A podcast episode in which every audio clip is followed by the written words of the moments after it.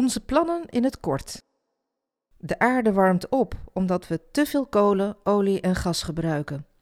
Ook in onze provincie zijn we daarom bezig steeds meer energie op te wekken, met bijvoorbeeld zon en vooral wind. Daarmee moeten we doorgaan. En we moeten meer mensen en bedrijven helpen om energie te besparen. Doordat de aarde warmer wordt, is het klimaat al aan het veranderen.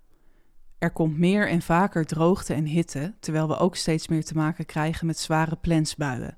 Daar moeten we dus op voorbereid zijn. We zorgen voor meer natuur. We willen meer bomen, planten en dieren. Meer natuur betekent een gezonde omgeving voor onszelf om in te leven. Als je meer natuur om je heen hebt, heb je minder stress en blijf je langer gezond. We moeten veel grotere stukken natuur met rust laten en beter beschermen.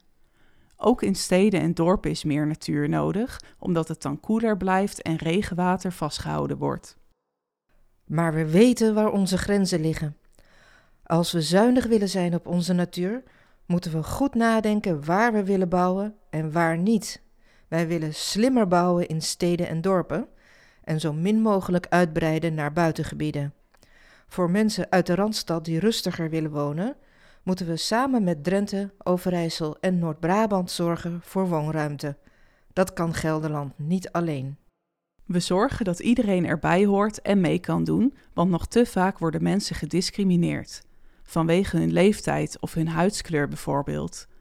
Ook houden we op veel plekken nog te weinig rekening met mensen die een lichamelijke of geestelijke beperking hebben. Dit moet echt anders, want in Gelderland hoort iedereen erbij. Dat betekent ook dat iedereen moet kunnen meepraten als er belangrijke besluiten worden genomen. Mooie plannen, maar hoe dan?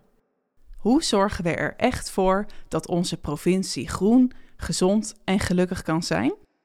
We hebben al onze plannen onderverdeeld in onderwerpen waar de provincie invloed op heeft: natuur, landschap en landbouw, economie, klimaat en energie, wonen en ruimte, openbaar vervoer, milieu, erfgoed, cultuur en welzijn, diversiteit en inclusie, democratie en financiën.